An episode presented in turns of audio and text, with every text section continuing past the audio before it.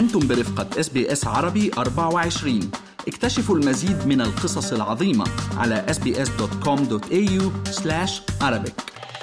أهلا بكم مستمعينا في SBS Arabic 24 معكم في هذا المساء هناء ياسين. ومنال العاني. ونقدم لكم حلقة جديدة من بودكاست عالم العقارات نستضيف فيها الوكيل العقاري تشاد عربيد للوقوف على آخر المستجدات في قطاع العقارات الهام. ولطالما كانت أسعار المنازل أعلى من أسعار الشقق السكنية لكن تقرير حديث كشف أن الفرق بين أسعار المنازل والشقق السكنية ازداد إلى مستويات قياسية خلال السنوات الأربع الماضية. فكيف سيؤثر ذلك على خيارات الساعين لدخول سوق العقارات؟ المزيد مع الوكيل العقاري تشاد عربيد. نحن عادة يعني من سنين سنين عم بحكي 15 20 سنة وما فوق دائما كنا نقول إنه الفرق بأسعار الشقق وأسعار البيوت فرق كبير. وخاصة بآخر يمكن ثمان سنين لخمس سنين كنا نحن عم نقول إنه بالسوق العقاري إنه هيدي الفجوة بين أسعار البيوت وأسعار الشقق لازم آه، تصغر لأنه في فرق كبير. بس اللي عم بيصير هلأ اللي عم شفناه إنه بدل ما الشقة الفجوه تصغر صارت عم تكبر أكبر. So طلع التقرير من من CoreLogic بيقول إنه هيدي السنة في أرقام قياسية جديدة من أربع سنين لهلأ. إنه بسنة 2020 تقريبا كان الفرق بين سعر الشقة وسعر البيت حوالي 16.7% والشهر الماضي وصل الفرق ل 45% بشكل إجمالي بين بيت أو شقة بأستراليا بشكل عام. يعني طلع من 16.7% لل 45% يعني سعر البيت أغلى من سعر الشقة بحوالي 295 ألف دولار.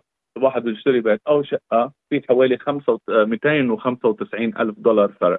والسبب ما بيرجع لانخفاض سعر الشقق بس بيرجع ل كيف طلعت أسعار البيوت بآخر فترة مثل ما شفنا طلعت بشكل خيالي منشان هيك الفجوه كبرت لأنه سعر الشقق ما طلع مثل ما طلعوا أسعار البيوت. خلينا ننظر نظرة سريعة على المدن الرئيسية حول أستراليا تشاد لنتعرف على حجم هذه الفجوة بين أسعار المنازل آه، وأسعار الشقق السكنية. آه مثل ما الكل بيعرف سيدني هلأ متصدرة الرئاسي بالنسبة لأسعار المنازل وأسعار الشقق بأستراليا. ومنشان هيك مش من المستغرب إنه نشوف الفجوة أكبر شيء بسيدني. سيدني الفرق بين سعر الشقة وسعر البيت 68.4% تلحقها كامبرا ب 65% بعدها بيجي ادلايد 58% بريسبن 56% ملبن 55% شو مثل ما شايفي معظم المدن في فرق أكثر من 50% بين سعر شقة وسعر المنزل. آه، بس لحتى أوضح شغله أغلى فرق أو أعلى فرق كان بالنسبة للشقق والبيوت هي ببلفيو هيل بسيدني بنيو ساوث ويلز. صار الفرق بين الشقة والبيت 525% يعني بفارق حوالي 8 مليون دولار إذا بتشتري شقة أو بتشتري بيت. أكيد هيدي منطقة special case يعني لأنه high end ومعروف الاسعار بهيدي المنطقة بس كمان الرقم اللي عم نقوله رقم تقريبا خيالي بس هذا الواقع. هذا هو الواقع اللي راح يفرض خيارات محددة ومعينة ويمكن مسارات معينة للمشترين الراغبين في دخول سوق العقارات.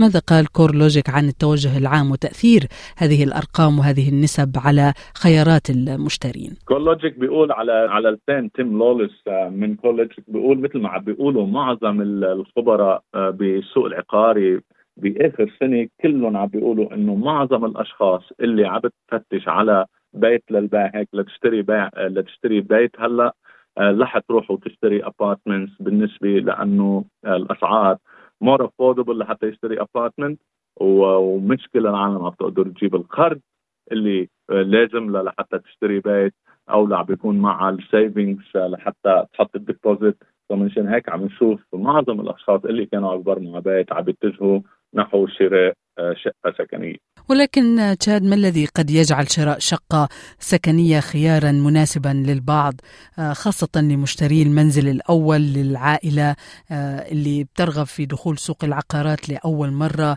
وترى أنه أسعار المنازل أصبحت بعيدة عن متناول أيديهم. جوابي هو كثير واضح دائما دائما إنه إذا واحد في يشتري بيت أكيد البيت شراء البيت أحلى من شراء شقة لأنه مثل ما شفنا بالأرقام قديش صارت الفجوه بين سعر البيت وسعر الشقة. شو حسنات ليش أول شيء الواحد بده يقرب بده يشتري؟ لا ما رح يشتري بيت رح يشتري شقة. لأنه أول شيء بيكون بده البيت أو بده المسكن يكون له بمنطقة معينة قريب لأهله قريب لمدارس أولاده قريب لشغله ل... ل... من... لسبب من هالأسباب. وما بقدر اشتري أنا بيت. أنا بدي اشتري بيت ببرايتون. طب أنا ما قادر أدفع 4 5 مليون دولار. حق بيت ببرايتون ثاني best option لإلي ياخذ 3 bedroom apartment ب 3 bedroom apartment فيني أجيب ابارتمنت عم. عم نعطي مثل يعني ب 1.8 2 مليون دولار ال advantage إنه عم بشتري بمحل ما أنا بلائمني لإلي لشغلي لمدارس أولادي لا لا لطريقه آه، عيشتي يعني ال lifestyle وكله هيدا بيفضل العالم تشتري شقة على البيت بهيدا المواضيع. ثاني شيء في ناس كثير بتشتري شقه هنا لحتى يعملوها to claim the negative gearing يوفروا شوية tax مثل ما حكينا بحلقات ماضية. فهود النوعين من اللي بيشتروا شقق لأنه ما بيقدروا يتحملوا سعر البيت أو بدهم إياها ل investment. من الخيارات المتاحة للراغبين في شراء شقة سكنية هنا في أستراليا هو شراء شقة off the plan على الخريطة. يعني المبنى لم يؤسس والشقة ليست على أرض الواقع لكنها على الورق. فما هي أبرز حسنات هذه الطريقة في شراء الشقق وأيضا مساوئها للراغبين ربما في شراء شقة سكنية بدلا عن منزل؟ أنه أنت اليوم عم تشتري شقة حقها من مئة ألف دولار. تدفعي 80 ألف دولار اللي هي 10% down payment وما عندك any payments لل settlement هيدي الشقة اللي اللي دفعت ال deposit عليها. أول شيء you locked in the price يعني حتى لو أسعار الشقة اللي بنفس البناية طلعت لأنه بعدها ما انباعت أو عم تنباع المشروع عم ينباع أنت you locked in the price ما بقى سعر في يغلى عليك. بعدين أنت أمنت السعر هلأ تستلمي بعد سنتين بعد سنتين إذا ال market ضلت ماشي مثل هلأ أو نص ما ماشي أو نص مثل ما عم بيصير هلأ أكيد أسعار الشقة على ارتفاع. ثاني شيء إنه بيصير عندك ال stamp duty savings أكيد first home buyers هلأ وال people اللي بي بي بيكون عم بيشتروا شقة ليسكنوا فيها بيقولوا لها your primary place of residence بيوفروا ال stamp duty وعندك big savings بال stamp duty لأنه الشقة بتكون بعدها ما تعمرت وال stamp duty عادة بيندفع على قيمة الأرض اللي عم بينبنى عليها البيت. يعني مثلا عم بعمر بيت بمليون دولار بس أنا بعدني ما بلشت بالعمار أو بعدني شأني بلشت بالعمار بدفع stamp duty على ال 500 ألف اللي هو حق الأرض مش حق على ال 500 ألف الثاني اللي بده يكلفني لعمر المنزل. منشان هيك بيكون في stamp duty saving إذا هذه بعض من حسنات شراء الشقق بشكل عام وشراء الشقة على الخريطة أو off the plan كما ذكرت تشاد. لكن هل من عيوب أيضا يجب على الشخص المقبل على شراء شقة أن ينتبه لها في حال قرر بالفعل أنه يشتري شقة على الخريطة. هل هناك من مساوئ من محاذير ربما يقع فيها الشخص؟ أكيد هنا في كمان بين الحسنات في كمان سيئات. من من أكثر شيء سيء بالنسبة لشريت الشقة أنه أنا عم بشتري شقة ما عم بشوفها. يعني عم بشتريها على الخريطة ما عم بشوفها مزبوط ما عم بفوت على الأوض على المطبخ على الحمامات لا عارف شو بدي أشتري. عم بشوف هالصور آه، بال display suite وعم بشتري على الخريطة. منشان هيك هلا بتشوفي في developers كثير بيعملوا بيبنوا display suite كأنه مبني لحتى يقول لك بالضبط كيف بدها تكون الشقة بس تخلص عشان هيك في ناس كثير بس تفوت على ال display suite بتعرف شو بدها تشتري آه، وبتشتري عن الخريطه أكيد سيئاتها كمان نطره لسنتين. يعني عم بحط مصرياتي deposit وعم بقعد سنتين ممكن المشروع يتأخر يأخذ ثلاث بس التوضيح من هذا الشغلة مزبوط إنه هيدي من السيئات بس حسناتها لهيدي الشغلة بالضبط. إنه الفلوس اللي دفع فيهم deposit لا سمح الله صار شيء مع ال developer أو مع ال builder الفلوس بيرجعوا لك. لأنه هيدي off the plan apartment غير ال house and land package وهيدي شغلة كثير لازم تتوضح. house and land package تشتري ال house and land package بتدفعي دفعه أولى. بس يجي يحطوا البطون تدفعي دفعة ثانية بس يحطوا الفريم تدفعي دفعة ثالثه دفعة رابعة ليخلص البيت. مشان هيك إذا البلدر كولابس وفلس أنت علقتي بنص المشروع دافعه نص قيمة البناء.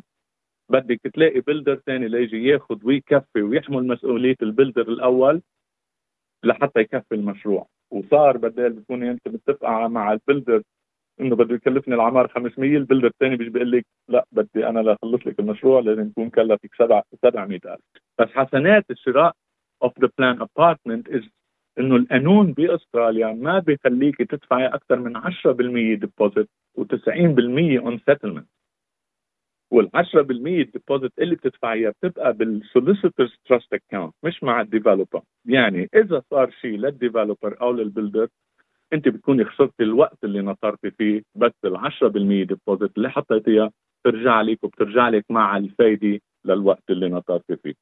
so هودي هن ال risk بس أكيد برجع بقول اللي فيه يشتري بيت بالمنطقة اللي بده إياها أكيد يشتري بيت أحلى investment بس اللي مش قادر يشتري بيت وبده يعيش بمنطقة معينة يشتري شقة من الشقة بيجمع ال capital تبعه بعدين بالمستقبل إذا في يشتري بيت يشتري ويشتري البيت اللي بده إياه وين ما بده. بس يبلش من شي محل. لأنه إذا بضل واحد ناطر ليصير قادر يشتري بيت بمنطقة معينة رح تكون النطرة طويلة.